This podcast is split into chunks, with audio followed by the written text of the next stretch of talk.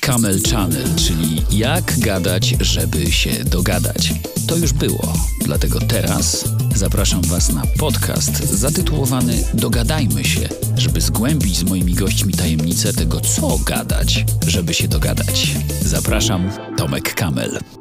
Zanim rozpocznę, proszę ocencie ten podcast. Zostawcie ślad po to, by mógł dotrzeć do innych, którzy jeszcze o nim nie wiedzą. Dziękuję i życzę sobie i Wam dobrej rozmowy. Dzień dobry lub dobry wieczór, gdziekolwiek i o którejkolwiek nas słuchacie. Dzisiaj w Dogadajmy się mecenas Joanna Sochacka, adwokatka, specjalizująca się między innymi w rozwodach. Dzień dobry. Witam serdecznie. Joanno, tak się zastanawiam, w Polsce prosto jest się rozwieść? W Polsce dosyć prosto jest się rozwieść, aczkolwiek jest to bardzo czasochłonne. E, czasami człowiek musi długo poczekać na ten rozwód, zwłaszcza wtedy, gdy są dzieci. A czy prosto jest się, jest się w Polsce rozwieść z klasą i bez konfliktu? A to już wszystko zależy od rozwodzących się małżonków. Mhm. Tu naprawdę inwencja jest niesamowita. E, I czasami myślę, że ta chęć dokuczenia drugiej stronie staje się ważniejsza niż szybkie uzyskanie rozwodu i początek nowego życia. Chociaż na początku wydaje się, że człowiek przychodzi do adwokata, mówi: Chce się rozwieść, chce, żeby to było szybko i bezboleśnie, a potem gdzieś zapomina o tym, że to miało być szybko i bezboleśnie i koncentruje się na tym, jak jeszcze pokazać drugiej stronie, jaka ona była zła. Czyli dać jej taką lekcję. Dać jej taką lekcję. Czy ta lekcja twoim zdaniem, oczywiście zależy mi na twoich osobistych obserwacjach, ale i na badaniach, z, której, z których też sporo przecież wniosków wyciągasz, czy ta lekcja to ona wynika bardziej z tego, że udzielająca lekcji strona jest rozżalona, bez porzucana, czy też po prostu zwyczajnie ma ochotę pognębić kogoś, z kim jej nie wyszło? Najczęściej jest tak, że decyzję o rozwodzie podejmuje jeden z małżonków, bo nie spotkałam się z sytuacją, że obu w tym samym momencie przyszło do głowy, że to jest koniec. I zazwyczaj ta druga strona czuje się w jakiś sposób upokorzona, zraniona, porzucona. I często właśnie taka osoba jest osobą, która inicjuje walkę w sądzie, aczkolwiek nie zawsze tak bywa, mm, bo coraz częściej walka przenosi się nie tyle na samo rozstanie i mhm. rozwód, bo co do tego małżonkowie jakoś tam są zgodni, ale ta walka dotyczy dzieci, alimentów, czyli pieniędzy, a w późniejszej fazie majątku. Czy adwokat w takich sytuacjach jest mediatorem, czy jak sama nazwa Twojej profesji wskazuje, musi być przede wszystkim po jednej stronie i bronić jak lew lub lwica tego, kto jej płaci. musi być przede wszystkim osobą, która reprezentuje interesy swojego klienta czy swojej klientki, ale uważam, że e, w tej pracy e, w zakresie spraw rodzinnych ważne jest też takie wyczucie mhm. pełnomocnika i, i umiejętność zastopowania swojego klienta w pewnych działaniach, które na koniec szkodzą przeszkadzą klientowi. I, I, często ja osobiście, e, moi klienci, klientki, którzy tego słuchają, na pewno wiedzą, niejednokrotnie stopuję. Mówię stop, ale po co to? Pytam mhm. się, gdzie pani, pan chce być za rok o tej porze? Dalej w sądzie? Osobiste doświadczenie. Mam kolegę, który przez kilkanaście lat wojował ze swoją byłą żoną w imię udowodnienia jej, że jest złą kobietą. Zdaje się, że druga strona też miała ochotę udowodnić to samo i koszt był ogromny, bo po pierwsze nie dało się z nim o niczym innym rozmawiać, więc ludzie odskakiwali od tej znajomości w pewnym momencie, bo no, no, no jak, ileż można znieść. A po drugie zniszczyło go to i emocjonalnie, i finansowo, ale nie potrafił odpuścić. Nie widział tego, o czym powiedziałaś przed chwilą. Nie mógł zastanowić się nad tym, gdzie będzie za rok o tej porze. To jest chyba jak hazard. E, że jeżeli człowiek już zainwestował tyle czasu i tyle pieniędzy w proces i w udowodnienie całemu światu, że ta żona czy ten mąż to, to diabeł wcielony, e, to, no to jeszcze dorzuci, jeszcze trochę, że, że, że a, a, a może coś wygram.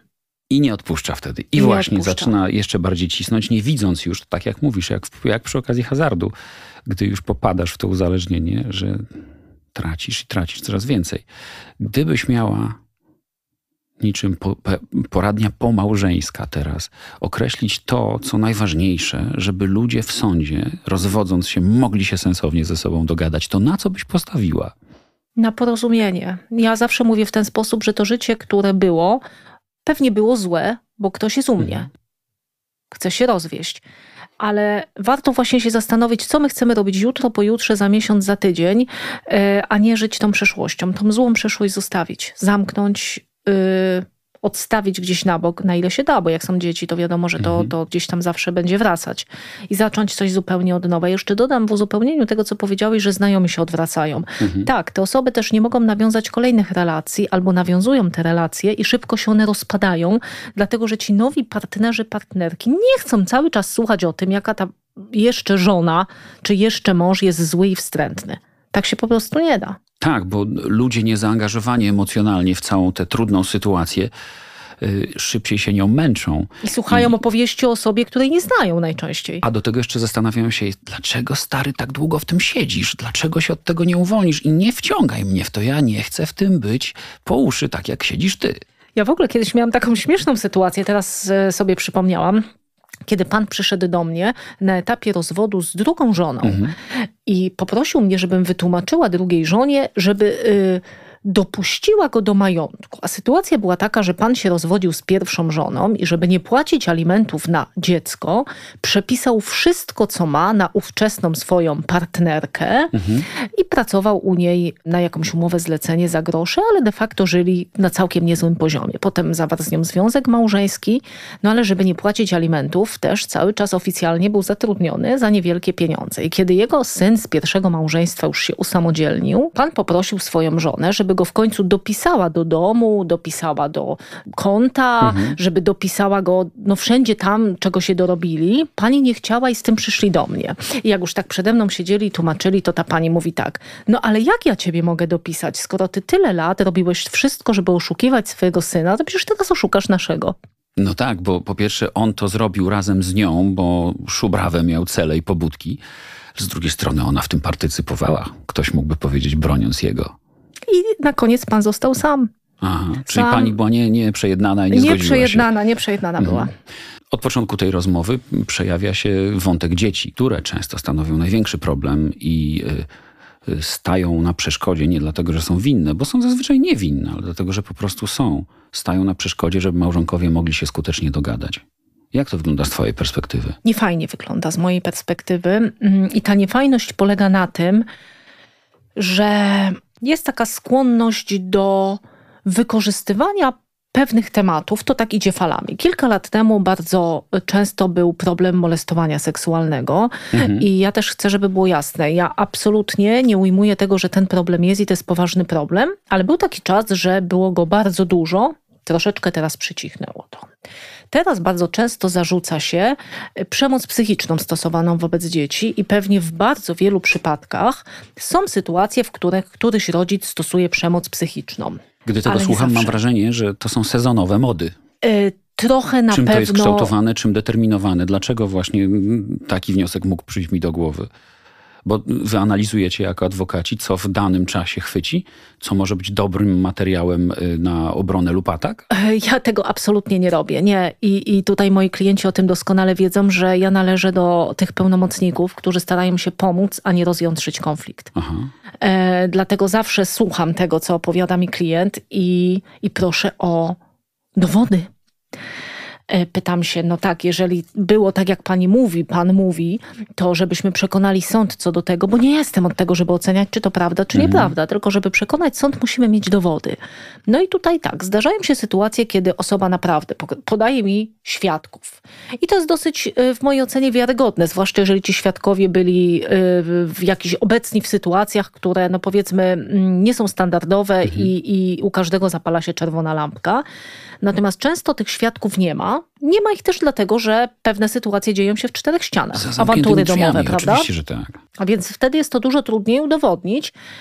E, no ale tutaj dochodzimy do takiego trudnego tematu, bo z mojej perspektywy coraz częściej w praktyce mhm. procesowej pojawiają się dowody, które ja nazywałabym, mówiąc delikatnie, nieprofesjonalnymi, a mówiąc trochę mniej delikatnie, takimi, które nigdy nie powinny być podpisane przez osobę, y, która wykonuje. Co masz na myśli? Opinie psychologiczne.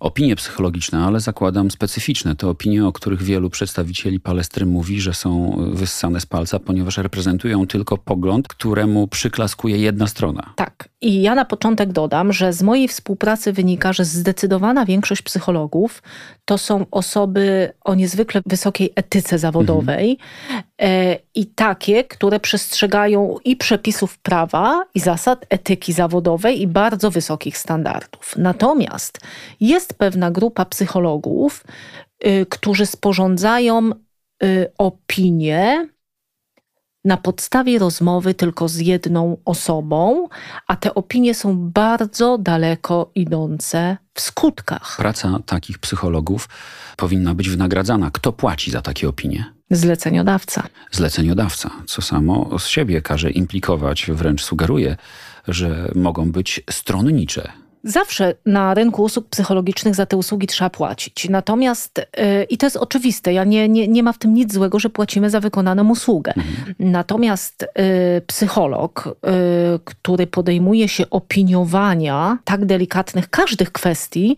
tak naprawdę powinien uzyskać zgodę osoby opiniowanej. I problem... Chcesz powiedzieć, że często zdarza się, że opinie powstają bez wpływu na nią, ani przede wszystkim bez zgody osoby, która będzie opiniowana? Na tak. przykład ojciec zamawia opinię, w której prosi o uwzględnienie zachowań matki dziecka, a matka nie ma tu nic do powiedzenia? Tak, takie sytuacje się zdarzają. E, I ja niejednokrotnie widziałam takie opinie w procesie, i jeżeli one trafiają do mnie, bo przynosi je moja klientka albo mój klient, to ja prowadzę mm, taką rozmowę z klientką czy z klientem i mówię, co to jest w ogóle za opinia w jaki sposób pani uzyskała taką opinię. I tutaj to, co jest bardzo niebezpieczne w tym rynku, mhm. takim, który się pojawił, e, to jest sytuacja, że na podstawie takiej opinii istnieje prawdopodobieństwo, czy też szansa, że sąd może wydać rozstrzygnięcie. Ale przepraszam, naprawdę chcesz powiedzieć, że Polska, nowoczesny kraj w XXI wieku, to jest kraj, w którym w sądach pod, pod uwagę bierze się opinię, za którą sprokurowaną na życzenie i za pieniądze jednej ze stron? To nie jest żadna opinia, mhm. bo y, opiniujący nie miał kontaktu z opiniowanym. No wyobraź sobie sytuację, że idziesz do lekarza, mhm. dajesz lekarzowi jakieś wyniki, mówisz, że to są wyniki badań podajesz imię i nazwisko i prosisz, żeby ci lekarz wystawił zaświadczenie, że ta osoba jest chora no to, to nam się wydaje niewyobrażalne. A jednak na rynku usług psychologicznych to się dzieje. Ja sobie wyobrażam to w ten sposób, że idę z badaniami, które ktoś robi na podstawie spojrzenia na mnie i określa, patrząc mi w oczy, wysokość poziomu cukru we krwi. Nie, nawet cię nie widzi. Tak Albo Ktoś nawet przynosi twoje zdjęcie Ktoś i mówi, ten pan. Tak, a to ja mu tutaj, on pewnie ma takie i takie badania, prawda? Tak. I ja idę z tymi badaniami, z tymi wynikami badań, które on określił na podstawie mojego zdjęcia do lekarza. Mówię, proszę, takie są moje badania, pan, panie doktorze, musi Y, musi wypisać mi L4. Albo inaczej. Twoja Albo żona, mi rentę. Twoja żona idzie y, i mówi tak, mój mąż, proszę, to jest zdjęcie tego męża, ja mogę jeszcze puścić, jaki on ma głos, bo tutaj mam nagrane na telefonie. Mhm proszę wystawić zaświadczenie, że on jest chory i niezdolny do pracy. Wystawiane zaświadczenie, że ona idzie i mówi, proszę zwolnić mojego męża, bo ja tu mam zaświadczenie, że on jest niezdolny do pracy. No to brzmi absurdalnie. No, brzmi absurdalnie, ale skoro siedzi tu przede mną poważna warszawska adwokatka, która w niejednym procesie brała udział i rozmawia ze mną o tym, to znaczy, że proceder ma miejsce na rynku i że te y, opinie są brane pod uwagę. Jestem w stanie sobie wyobrazić sytuację, w której dojdzie do jakiegoś błędu. Może sąd nie zauważy mhm. na przykład tego, że w procesie opiniowania nie, nie brał udziału opiniowany, bo to jest tak oczywiste, że powinien brać, że jeżeli to nie zostanie gdzieś głośno powiedziane, to sąd sobie przejrzy dwie pierwsze strony, wejdzie wnioski. Z wniosków wynika na przykład, mhm. że ojciec stosuje przemoc wobec dziecka. Jeżeli sąd nie cofnie się i nie zobaczy, że ten psycholog nie widział dziecka na oczy, przyszła mama i opowiedziała: Mój mąż stosuje przemoc wobec mojego dziecka i, na, i jest opinia, która potwierdza, że dziecko ma cechy osoby doświadczającej przemocy, przy czym mhm. pani psycholog nie widziała dziecka.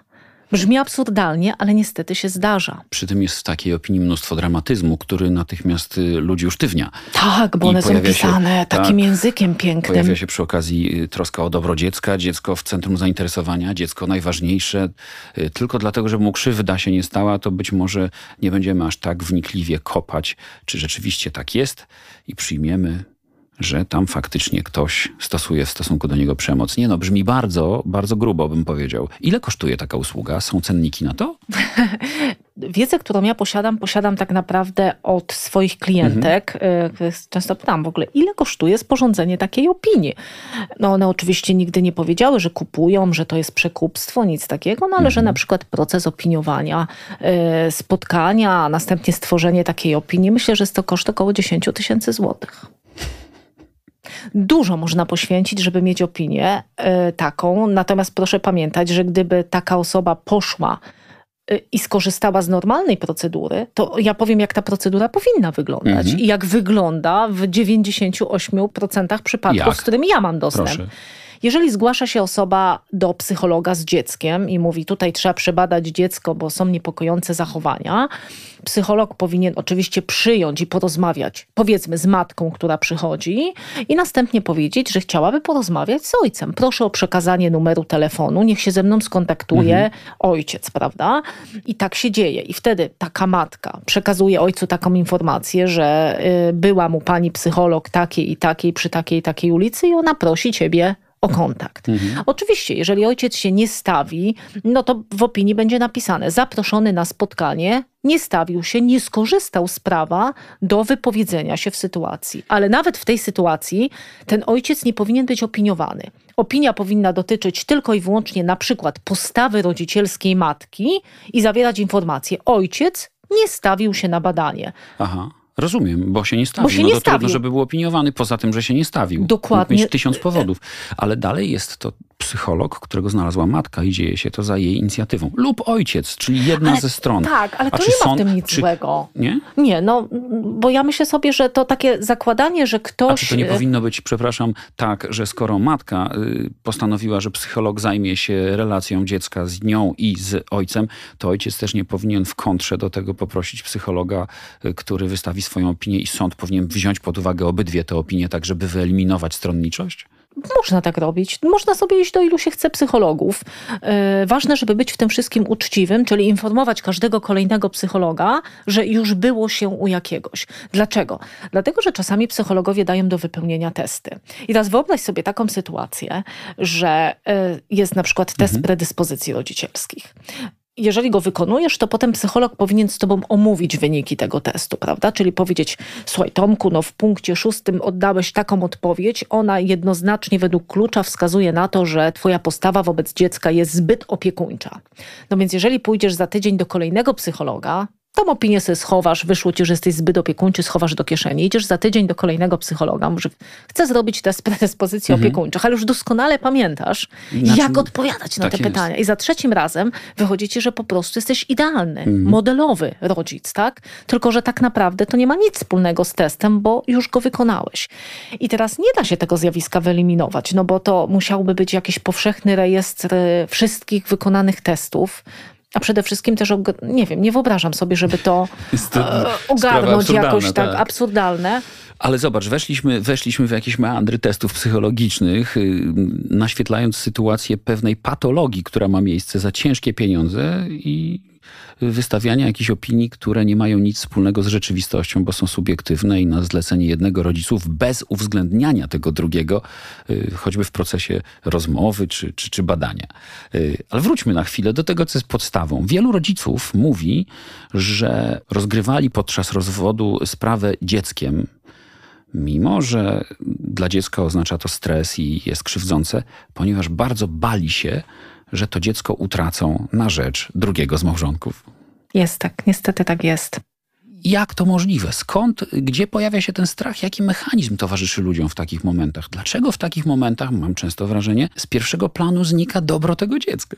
To jest dobre pytanie dla psychologa, ale ja mogę ci odpowiedzieć w ten sposób, że y, naprawdę ci rodzice, każdy z nich subiektywnie jest mhm. przekonany, że działa dla dobra dziecka.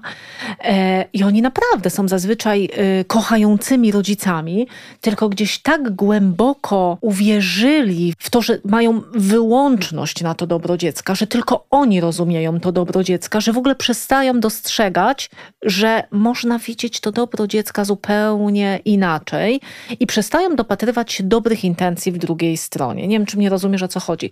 Chodzi o to, że nawet w poprawnie funkcjonującym związku mhm. niejednokrotnie dochodzi do jakichś nieporozumień na temat tego, nie wiem, czy grać w piłkę nożną, czy oglądać bajkę, tak? tak? Tylko wtedy nie przepisujemy tej drugiej stronie tak złych intencji, jak już przy rozstaniu. Przy rozstaniu nawet taki spór, czy dziecko zapisać na piłkę nożną, czy na coś innego, często było takie, a on na pewno chce to, bo on jest taki lub taki, tak? Nie potrafimy odciąć tego, że po prostu no tak, tak chce. Ale dużą też rolę pełnią tutaj pełnomocnicy, którzy powinni jakoś tak tych klientów trochę w tych emocjach chłodzić. Psychologowie też zresztą. Mhm. Pełnomocnik, czyli ty w tym tak, wypadku, adwokaci, tak. tak. I, I, zdarzało ci się mieć takie sprawy, gdzie była burza za burzą, pioruny za piorunami, a jednak dwójka lub dwóch czy dwie pełnomocniczki, nie wiem jak to było, dogadały się za mnóstwo te Mnóstwo jest takich sytuacji, mnóstwo.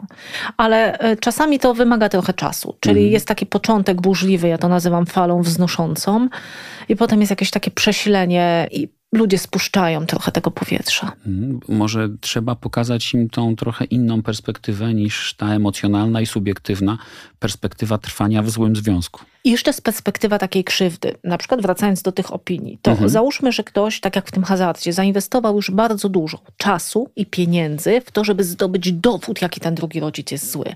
Bo to nie tylko olbrzymie pieniądze, ale też trzeba dotrzeć do takiej osoby, która wejdzie w taki układ, czyli wyda opinię, bez e, rozmowy z osobą opiniowaną, mhm. prawda? Więc jeżeli już zainwestowała ta osoba tak strasznie dużo czasu, energii i pieniędzy w to, żeby zdobyć opinię i ona do mnie przynosi i mówi, mam ten dowód, tak? mhm. tak? Mamy dowód na to, że ten mój mąż jest przemocowy, czy ta moja żona jest przemocowa. No ja mówię, no taki sobie ten dowód, nie bardzo widzę możliwość, żeby się na nim opierać. To jeszcze rodzi większą frustrację, tak? To nie, to ja jeszcze przyniosę lepszy dowód, tak? Okay. I przychodzi mówi, nie, pani pedagog czy pani psycholog przyjdzie i zezna przed sądem. Ja mówię, ale o czym zezna przed sądem? Skoro nie widziała człowieka na oczy. Skoro nie widziała człowieka na oczy. Mm. Ale wiesz, ja miałam taką sytuację ostatnio, że zeznawała mi na rozprawie y, pani psycholog, która nie widziała na oczy sprawcy przemocy domowej, co do którego wydała opinię, że sprawcą przemocy domowej jest, a rodzina y, ma wszelkie cechy osób doświadczających no, przemocy. Zakładam, że przy minimum y, IQ i dobrej woli, a mówimy tu maksimum IQ w przypadku sądu i reprezentantów, to to się łatwo da obalić. Da się obalić, da. I tak też było w tym wypadku? Jeszcze wyroku nie ma, ale mam przeczucie, że, że sąd się nie dał na to złapać, bo, bo to. No, ja jednak mam wrażenie, że sądy na Jak takie rzeczy się już nie łapią. Tak? Są mądre. tak, ja cały czas wierzę e, naprawdę głęboko w mądrość i rozsądek sądów.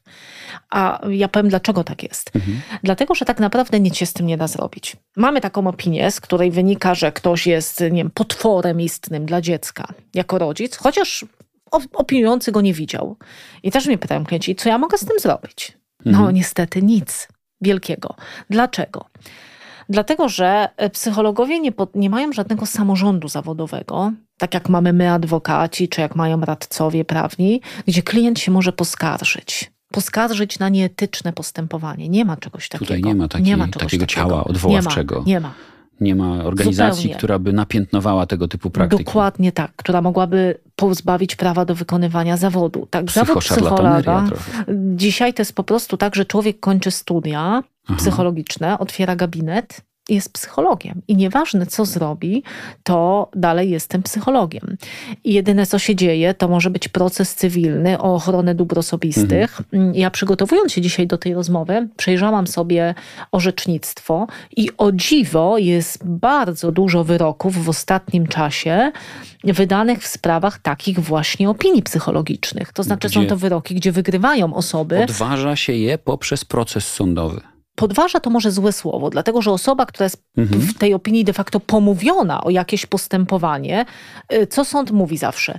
Nieważne, czy ta pani taka jest, czy nie jest. My tego nie wiemy, a na pewno nie wiedziała tego pani psycholog sporządzająca opinię. Hmm. I tu w ogóle w tych procesach my nie badamy, czy ta matka, czy ojciec jest potworem, czy on wykorzystuje, czy manipuluje, bo to nie jest przedmiotem tej sprawy. Chodzi o to, że wydając taką opinię, psycholog narusza czyjeś dobra osobiste. Bo przypisuje jej jakieś cechy, nie mając ku temu najmniejszych podstaw.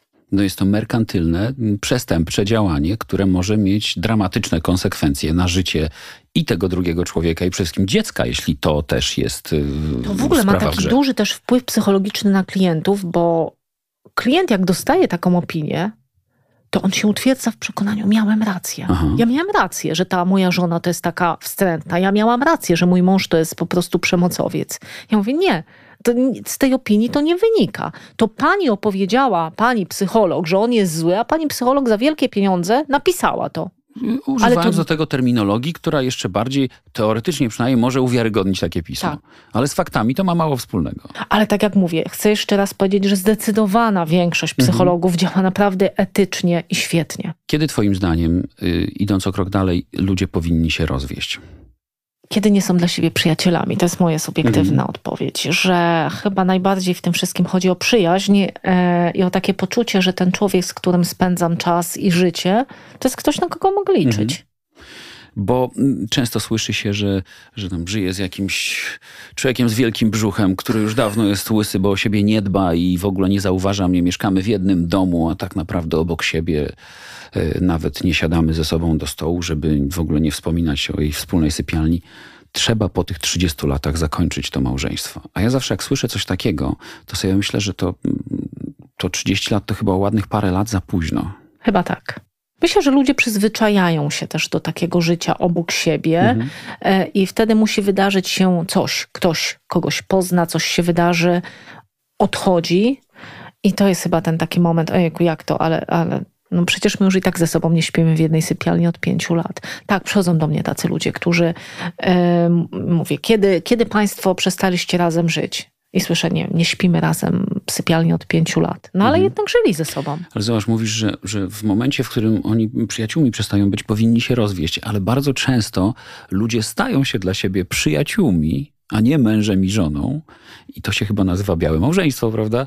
Y, więc może właśnie to, że staliśmy się przyjaciółmi i tylko tyle, już jest dowodem na to, że może warto byłoby się rozwieść. Także y, ta sprawa bycia przyjacielem czy się nie jest, czy się jest, może być no do może. obejrzenia z dwóch stron. może, może. W kwestii rozwodu. O tych białych małżeństwach to tam gdzieś niewiele słyszałam, ale to naprawdę działa? Tak, okazuje się, że bardzo wiele osób y, ze względów ekonomicznych, ze względów obyczajowych, tutaj mam na myśli sytuację, a co powiedzą inni, y, żyje ze sobą y, pod jednym dachem, mimo że to już dawno nie jest żadne małżeństwo. Z różnych powodów. No ale no, no, jesteśmy wolnymi ludźmi, taki jest ich wybór. Tylko czasami powstaje pytanie, czy nie szkoda życia. No właśnie, to y, słuchałam kiedyś takiego podcastu konkurencyjnego, więc nie będę wymieniać. Na ale temat proszę, tego, trzeba polecać dobre podcasty. Yy, to był podcast, czyli to była, widzisz, teraz mi wypadło z tego wszystkiego z głowy. Jak sobie przypomnę, to ci powiem, słuchałam go w niedzielę. I generalnie chodziło o to, jak pokoleniowo się zmienia spojrzenie na różne sprawy. Tam na pewno była Margaret i Maria Peszek, już nie pamiętam kto, i mówiły dziewczyny, że no właśnie w tym pokoleniu y, takim jak my, powiedzmy, to jeszcze może jest ten wstyd przed rozwodem, ale to młodsze pokolenie już tego kompletnie nie ma. W dużych miastach w Polsce co drugie małżeństwo kończy tak. się rozwodem i jest to po prostu jakieś narzędzie do rozwiązania problemu i ułatwienia sobie życia. No ale po co tkwić w związku, w którym ludzi nic nie łączą? Ja jeszcze pamiętam z pokolenia moich rodziców takie mhm. sytuacje, że to myśmy rozmawiały w szkole, że a tam moi rodzice, to oni się ciągle kłócą, ale nikt nie, nie, nie, nie było mowy o rozwodach. Teraz jest zupełnie mhm. inaczej. Jak się patrzy na e, moje dzieci, widzę rówieśników, to tam co trzecie dziecko w klasie. Z, e, rodzice są rozwiedzeni i dzieci nie mają z tym problemu, żeby o tym mówić. No tak, teraz to już jest zupełnie inna sprawa. A powiedz mi, czy przypominasz sobie taki modelowy rozwód, którego nie tyle byłaś częścią, co przy którym pracowałaś yy, i który mógłby służyć za wzór, mimo że okoliczności, które do niego doprowadziły, nie były łatwe? Tak, ja dzisiaj zakończyłam taką sprawę, gdzie zaczynało się strasznie, bo zapowiadał się proces z winy, długie postępowanie dowodowe tylko tam mm, nie było żadnych zagrań poniżej pasa, takich Aha. dowodowych. No ale zapowiadał się długi i ciężki proces. E, I mniej więcej po dwóch latach takiego powolnego procesu, bo, bo nie wiem, czy Państwo słuchacze wiecie, ale e, przynajmniej w Warszawie to oczekiwanie na termin to jest często rok i dłużej. Szczególnie teraz w postcovidowych czasach. Tak. Mhm. E, strony doszły do wniosku, że chyba nie ma sensu tego przedłużać i, i każde z nich chyba chce pójść dalej, a nie mhm. być cały czas jedną nogą w tym starym życiu. I świetnie się porozumieli, także dzisiaj tak naprawdę poszliśmy do sądu, rozmawiając sobie miło przed salą sądową. No, świetnie zachowujące się małżonkowie, naprawdę olbrzymia klasa. Czyli mam ochotę zakończyć naszą rozmowę i stwierdzeniem, które padło na jej początku, bo to taka ładna klamra. Yy, mianowicie, żeby zastanowić się, tak ładnie to ujęłaś, gdzie chce się być za rok, za rok o tej, tej samej porze. porze. Tak, tak, to jest moje pytanie do klientów. Gdzie pani chce być za rok o tej porze? I to może mieć poważny wpływ na zdroworozsądkowe podejście do rozwodu i nie taplanie się w tych wszystkich nieczystościach i tym oblepiającym mnóstwie problemów, które często y, rozwodom towarzyszą. Dokładnie, bo to było już, to, to zło było i lepiej to jak najszybciej zakończyć. Tak, właśnie, to wszystko się już wydarzyło, a teraz mamy proces, który ma to zamknąć i przynieść ulgę, a nie, a nie być, cierpienie. Tak, tak, a nie być polem walki, żeby tam jeszcze komuś dowalić, bo tak naprawdę człowiek też wychodzi z tego zawsze poraniony. Dziękuję Ci bardzo i y, mam nadzieję, że jeśli słucha nas ktoś, kto boryka się z myślą, że być może stoi przed nim konieczność rozwodu, to zastanowi się dwa razy, chcąc sporządzić jakąś nie tyle szaloną, co szubrawczą odrobinę y, opinię psychologiczną i sobie odpuści. Oby. No i oby tego już nie było więcej. Do następnego razu. Dziękuję. Ja również dziękuję. Joanna Schocka, adwokatka, specjalistka od rozwodów, była dzisiaj waszym i moim gościem.